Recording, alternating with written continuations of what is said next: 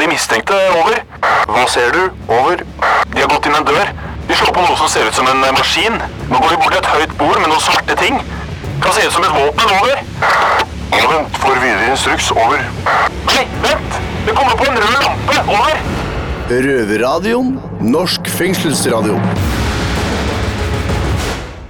Jeg var på perm for litt siden, og, og så dro jeg ned til uh, Oslo sentrum. Og så gikk jeg igjennom Østbanehallen. Østbanehallen har blitt totalt forandra. Ja, Har du ikke fått med deg det, eller? At det ble pussa opp og sånn? Nei, nei, jeg, for, jeg forventa å se liksom de der shabby gamle bodene av McDonald's på hjørnet og, og sånne ting. Og så plutselig så bare var det sånn, sånn glass og sånne eksklusive barer og sånn, sånn is og sånn. Jeg skjønte jo ingenting. Så har du ikke fått med deg det? Det er jo sånn tre år siden, jo.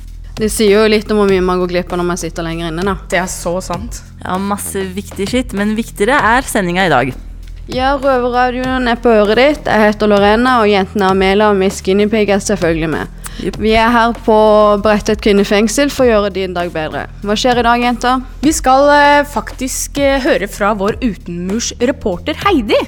Hun har tatt turen ut av fengsel. Bare hør på det her nå. Anita, vet du hva? Jeg syns du har supa lenge nok på den røyken, så jeg foreslår at du stumper den, så vi kan gå inn. Du er ikke her eh, for å røyke, du er her for å jobbe. Ja. Ja, sjef. Det er mottatt. Og hvorfor Heidi som innsatt snakker sånn til en fremtidig fengselsbetjent, en aspirant, skal vi høre mer om senere. Det er litt stilig. Noe annet vi også skal høre om. Alle har jo hørt at innsatte har blitt sendt ned til Nederland også for å sone der nede. Men hvor vellykka var egentlig det prosjektet? Røverradioen har faktisk tatt oppvaska, og hvordan det gikk når politikerne og forskerne skulle forsvare det de hadde gjort, det får du høre senere. Vi skal òg til Oslo fengsel, hvor de har fått med seg en ny badboy i redaksjonen. Vi skal også prøve å bli litt klokere på noe veldig trist, men også noe veldig viktig. Nemlig om rusmisbruker er en tittel forbeholdt de som vokser opp i ødelagte hjem og faller utenfor systemet, eller kan selv de sterkeste av oss havne på skjøret? Og i så fall, hva er det som avgjør om man blir rusavhengig? Da kan du bare glede deg til en røversending fra innsiden i norske fengsler. Yes. Yes, sir.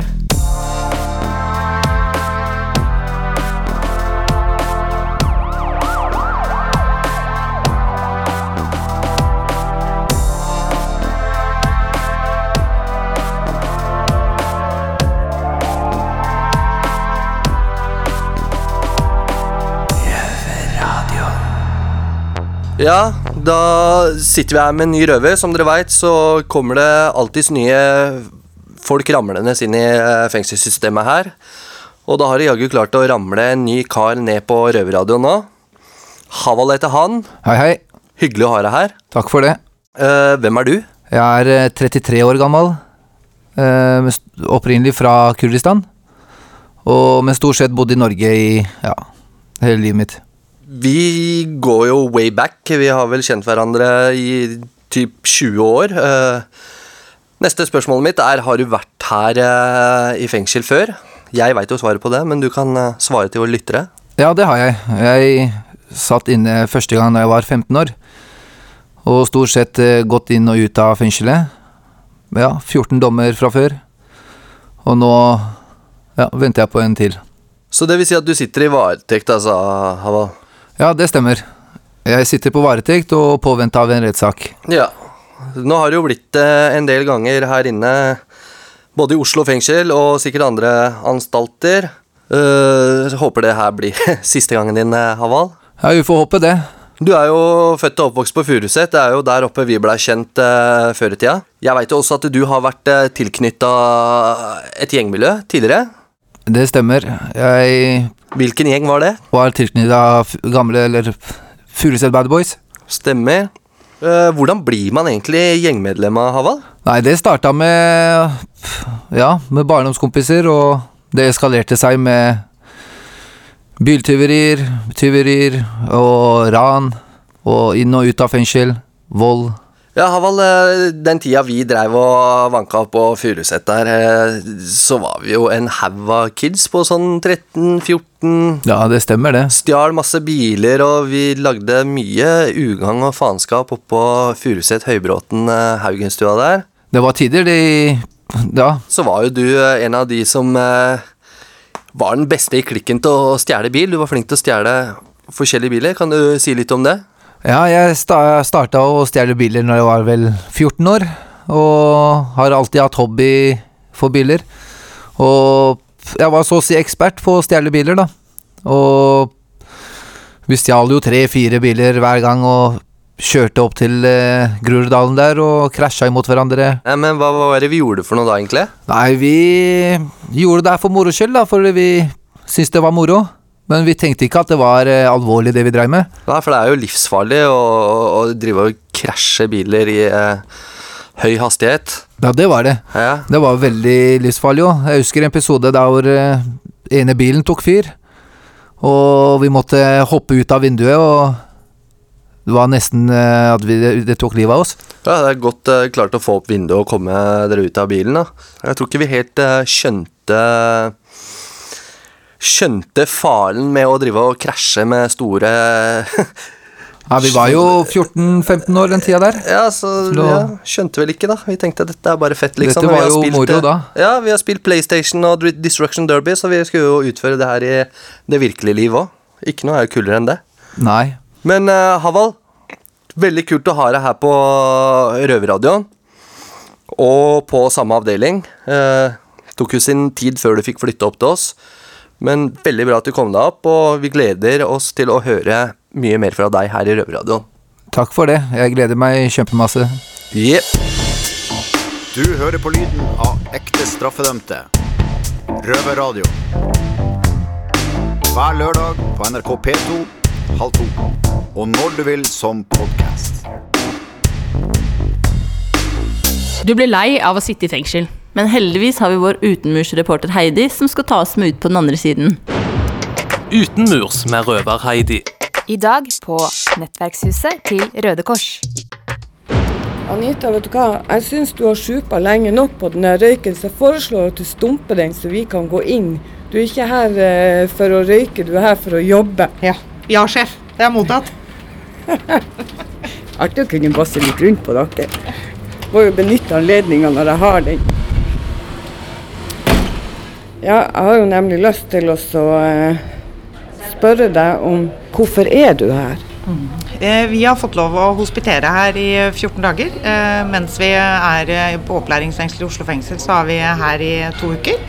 Vi får muligheten til å bli kjent med dem som jobber her, dem som koordinerer de forskjellige tilbudene som Nettverk etter soning kan tilby.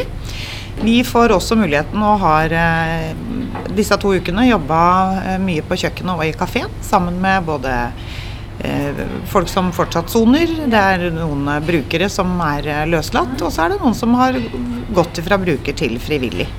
Så det har vært en veldig lærerik periode. Mange gode samtaler og fått mye tips og råd om hva vi som fengselsbetjente kan bidra med. Men det er jo bra. Dere får jo en unik mulighet eh, til å bli kjent med de innsatte på en helt annen måte. Men jeg må jo innrømme det at eh, det hadde jo vært artig å låse dere inne. Jeg har jo vært inne på tanken på å kanskje låse dere inne på to. Ja, det, det skulle tatt seg ut om du hadde, om du hadde gjort det, Heidi. Jo, men det var jo bare for at du da skulle liksom kjenne på den følelsen hvordan det er å sone på et toalett, for det er jo i praksis det mange gjør. Det er litt ekkelt å tenke på i det moderne samfunnet vi har. Jeg er helt enig. Og det, og det er selvfølgelig eh, Vi kan jo til en viss grad forstå hvordan det føles å, å være innlåst på den cella med TV og do på samme rom, som du sier. Men, men det er klart, eh, å forstå helt den følelsen, det er nok eh, også vanskelig for oss. Men eh, vi prøver så godt vi kan å, å gjøre hverdagen så, så grei han kan bli, da. Under de gitte rammene som vi også har fått. Jeg er klar over det, og det er jo ikke dere det står på, det er jo faktisk eh, dem som bevilger penger. Og da vil jeg jo bare oppfordre dem til å gi mer til kriminalomsorgen, fordi at det trengs. Det merker både innsatte og ansatte. Det er trange kår. Ja, det er, er så absolutt det. Men derfor så syns jeg det har vært så flott at vi har fått muligheten til å, å være her på Røde Kors sitt nettverk etter soning òg. Fordi at eh, dette er jo også en viktig fase for dem som har, eh, mange som har sona veldig lang tid. Eh, skal ut igjen i jobb, og, det å bygge seg et eh, nettverk eh, både med det sosiale og fritid og, og jobb, så er dette en kjempefin arena å begynne å gå, gå litt sakte framover. For det er mange som soner lenge, syns det er vanskelig å komme ut igjen og på en måte finne sin plass i samfunnet. og det, Der må vi også bruke mye ressurser. Ja, det er sant. Og det er en unik mulighet som dette tilbakeføringssenteret er. Og jeg syns det er så flott at dere får denne innsikten. Og jeg håper det at ikke dere blir det siste, første og siste kullet av aspiranter som kommer hit til eh, tilbakeføringssenteret. Og så lurer jeg på, har du noen eh, tips, eller vil du oppfordre andre aspiranter til å gjøre det samme? Ja, så absolutt. Det er en, en helt egen uh, arena å kunne få lov å snakke med, med tidligere innsatte, uh, folk som sitter inne fortsatt, altså de som bruker senteret her, og de som også har gått over til å bli frivillige her. Og få historiene servert rett ifra dem som på en måte har følt det på kroppen, da, og hva, dette, hva nettverk etter soning har for den enkelte etter at de kom ut. Så det, vi har på en måte fått en helt unik uh, kunnskap og førstehånds informasjon ifra, ifra dem som bruker senteret, så det har vært veldig, veldig bra. Så det anbefales på det sterkeste. Ja, jeg er nå i hvert fall veldig glad for at dere har vært her. Så sier jeg takk for praten. Takk det samme, Heidi. Takk skal du ha.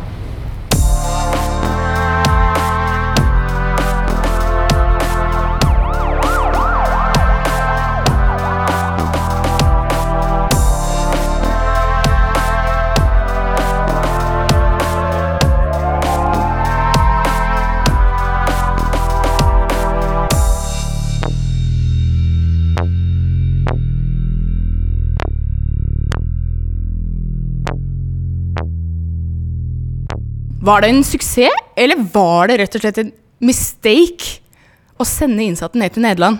Vi tar turen til Oslo fengsel, hvor de er klar med oppvasken.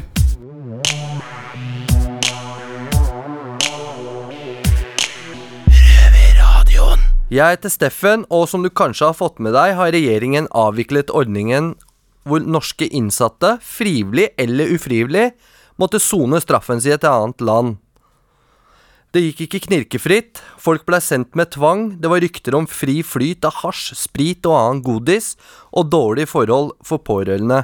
Initiativtaker og tidligere justisminister Anders Anundsen sier til Røverradioen at prosjektet var en suksess, men både politisk og innad i kriminalomsorgen var det mange som satt med en bismak i munnen. Nå som det er klart at fangene skal hjem, bestemte vi i Røverradioen for å invitere til et oppvaskmøte på Tandem kafé på Røde Kors nettverkshus. Da man i sin tid bygget operaen i Bjørvika, var det veldig mange som var imot den. Etter at den sto ferdig i all sin prakt, er det bare de aller mest surmaga av oss som syns det var en dårlig idé. Vil prosjektet Norgerhaven få samme skjebne? Vil det stå som en skinnende hvit sten over den gangen man viste handlekraft og ble kvitt soningskøen? Eller vil bruddet på nærhetsprinsippet og milliardkostnaden gjøre at det blir stående som et sorgens kapittel i norsk straffehistorie? Det skal vi prøve å finne ut her i kveld ved hjelp av dette høykompetente panelet. Der hørte du debattleder Simen Larsen som satt tonen for kvelden, og i panelet var bl.a. Knut Morten Johansen i Frp, statssekretær i Justis- og beredskapsdepartementet. Han var med på å ta avgjørelsen om å sende innsatte til Nederland. Jobbet selv i fengsel som førstebetjent, før han havnet i regjeringen. Han forteller om en hverdag i Skien fengsel, hvor arresten alltid var fylt opp. Det var ingen ledige plasser i Sør-Norge, og de måtte løslate folk fra resten for å få plass til nye. Han mener at han så hvor destruktiv soningskøen er for de som venter, men det som plaget han mest, var Men- de pårørende. Det som jeg syns eh, også var ille, det var at man også fikk telefoner fra pårørende av folk som satt og venta på å skulle inn og sone. Altså, eh, de gikk med livet på vent. En del av de som hadde fått eh, dommen sin, de, de var veldig frustrerte, fordi de kom ikke videre. Det var problemer i forhold til arbeidssituasjonen. Og det var eh, problemer i forhold til både ekteskap og, og samboerforhold, det at du hadde den biten hengende over deg. Så når eh, Anders Anundsen kontakta meg, for det gjorde han faktisk, i forhold til hva jeg syns om eh, det jeg visste kom til å bli et kontroversielt tiltak, nemlig å leie fengselsplasser i utlandet, så var jeg sånn, som, som tillitsvalgt faktisk i, i fengselet, så var jeg litt sånn delt på det. Men jeg syns at fordelene ved å bli kvitt soningskøen var større enn ulempene. Så jeg valgte å fronte det og si at uh, dette, dette går vi for. Det er ingen tvil om at soningskøen ble historie da Norgerhaven begynte å ta imot innsatte.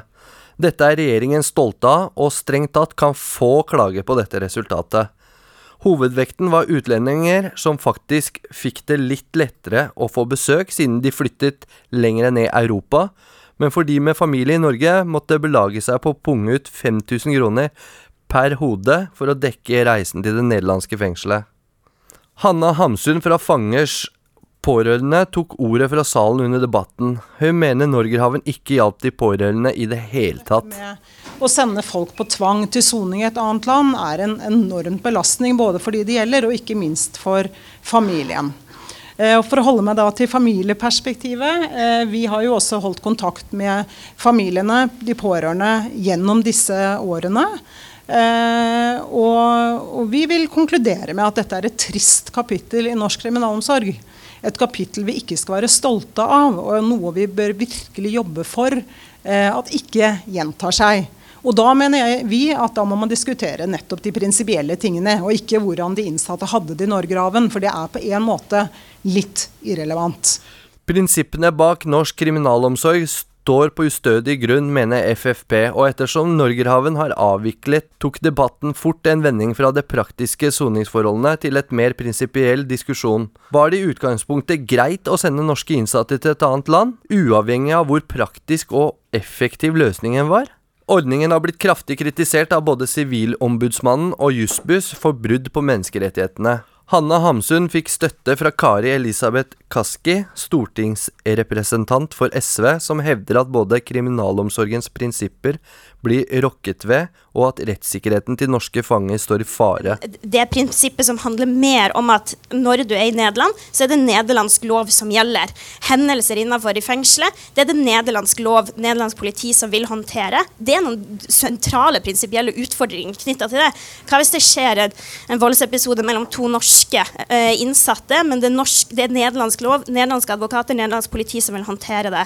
Uh, men også bare det mer sånn grunnleggende ved at den norske stat skal ikke kunne utvise norske statsborgere fra Norge. Og det, det har også skjedd på, eh, på, sett og vis i denne sammenhengen med at man også ufrivillig har blitt sendt til et annet land. Ganske sterk inngripen eh, når du vet at det mest mest inngripende staten kan gjøre for deg, er å frata deg din, din frihet, og det her kommer som et tilleggsmoment. Det du har hørt her, var et utdrag fra røverdebatten vi i Røverradioen arrangerte på utsiden om Prosjekt Norgerhaven.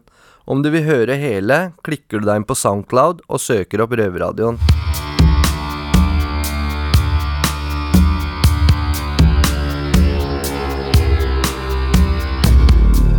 Sett deg ned og hold kjeft.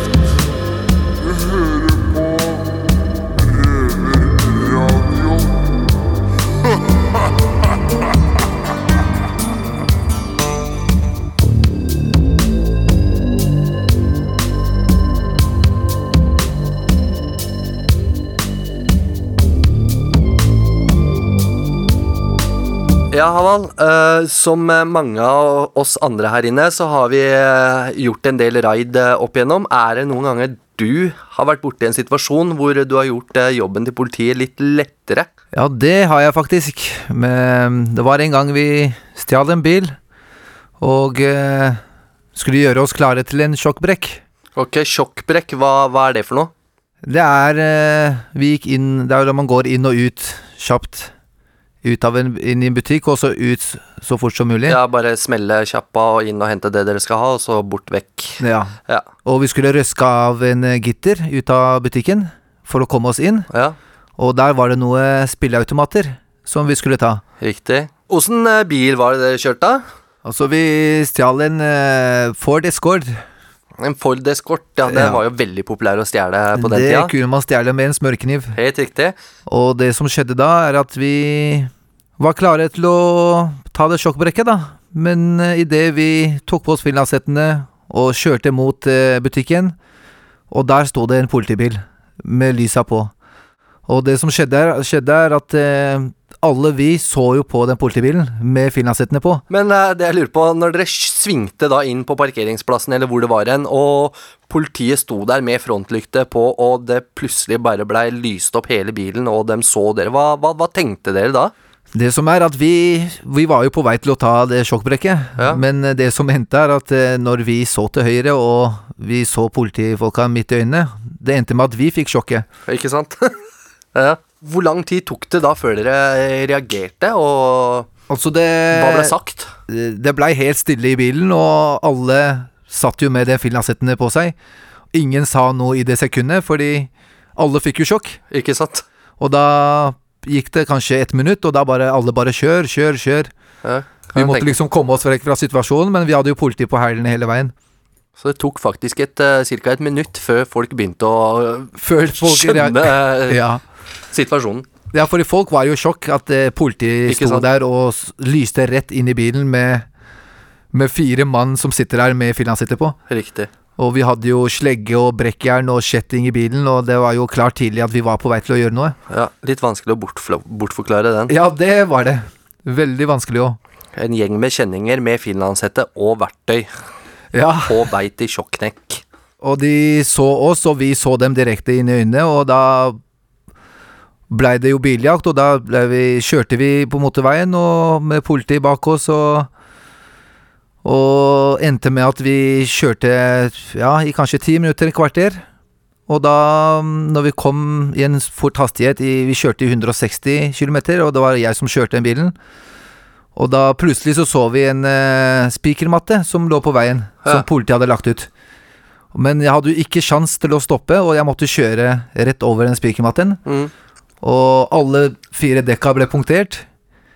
Og vi kjørte inn mot økeren der, og bilen bare stoppa opp, og da løp vi fra politiet, og Da er det bare ut og løpe, da. ja. Og det som skjedde til slutt, er at vi ble arrestert, hele gjengen. Hele gjengen. Ja. Men å ta på da finlandshettene før, eh, før ankomt sted, det var jo da lite gjennomtenkt, eh, Haval. Ja, vi tenkte ikke akkurat eh, på at det skulle stå en politibil der, da, som sto og venta utafor butikken. Og det var det som var litt komisk med det, er at vi blei jo tatt på fersken før vi rakk å gjøre noe. Ikke sant? Maks uflaks. Maks uflaks, kan man si, ja. Så det blei dårlig med penger fra spilleautomatene den dagen. Ja, det blei bare glattcella, for å si det sånt. Det gjorde det. Fikk i hvert fall et gratis måltid da, før dere slapp ut. Ja, det var så vidt vi fikk noen brødskiver, ja. ja. Ja, ok, Haval. eh, Hva, hva var enden på, på visa der, da, når dere blei putta på glattcella? Og hva blei ble det noe tiltale ut av det her? Eh, Det blei faktisk det, og vi blei jo dømt for eh, forsøk på innbrudd, eller på sjokkbrekk, da. Ok, men uh, hva har du lært av det her, Havald? Nei, jeg har lært at jeg ikke skal ta på meg finlandshette neste gang. Hvis det er noe som skulle skje. Og ikke gjøre noe Og sjokk. ikke gjøre noe sjokkbrekk mer. Helt riktig.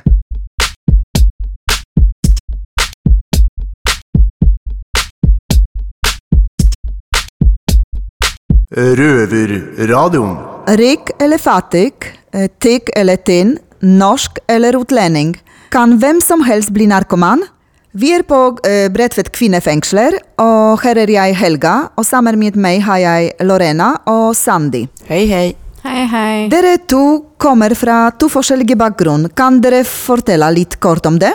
Ja, jeg kommer fra en veldig bra familie, hvor begge foreldrene mine har høy utdannelse, bra jobb. Jeg har søsken som har bra utdannelse og bra jobb, og som det har gått veldig bra med. Og så har du meg, som begynte å ruse meg i ung alder, selv om jeg kommer fra en bra familie. da. Eh, hva med deg, Sandy?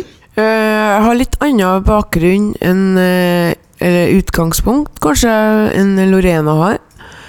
Eh, For jeg har jo den der uh, litt uh, vanlige historien med ja, dårlig oppvekst, eller vanskelig oppvekst med lite ressurssterke foreldre. Um, ja, vold og rus innenfor familie og sånne ting. Folk har sagt til meg hva skjedde med deg, hvorfor ble du narkoman? Og det syns jeg er så rart, fordi jeg tenker alle kan jo bli narkomane uavhengig av hvor man kommer fra, da. Selv om jeg kommer fra en bra familie, så har ikke det noe å si. Det gikk jo galt for meg òg. Eh, men Lorena, eh, du hadde alle forutsetninger til å klare eh, seg bra i livet. Hva, hva som skjedde galt? Det vet jeg ikke. Jeg ble mye mobba. Jeg var mye for meg sjøl. Og når jeg traff noen som ville henge med meg, så rusa de seg jo. Så da begynte jeg jo automatisk å ruse seg, men helt hvorfor det ble som det ble, det kan jeg aldri vite.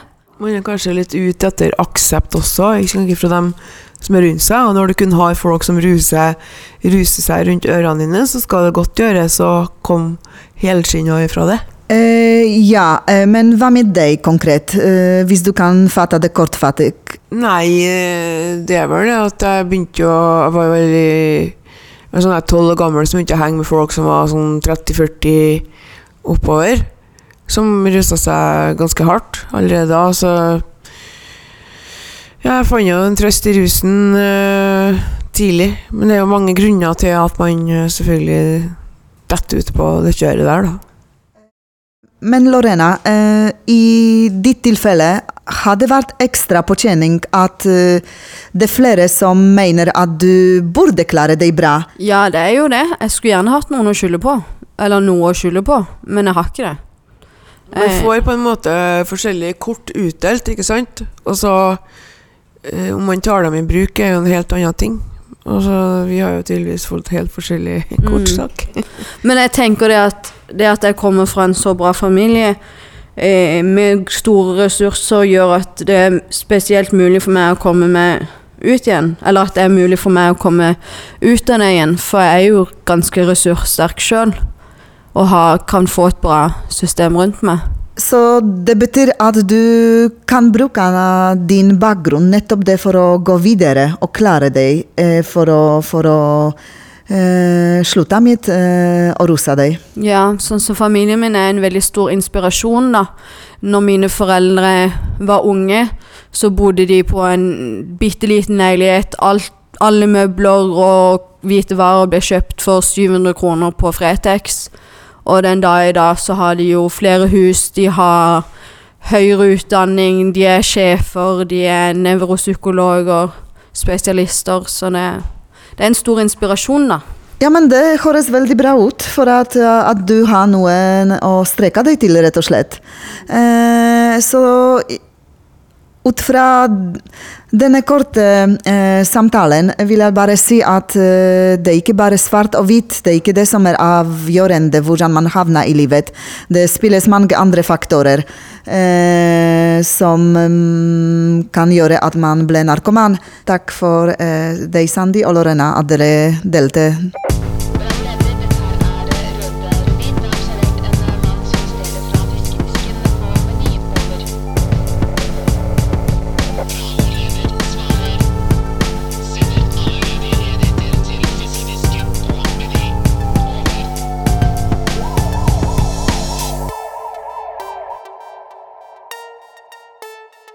Røverradioen er straks over, men før det vet dere hva jeg skal i dag? Nei. Hva da?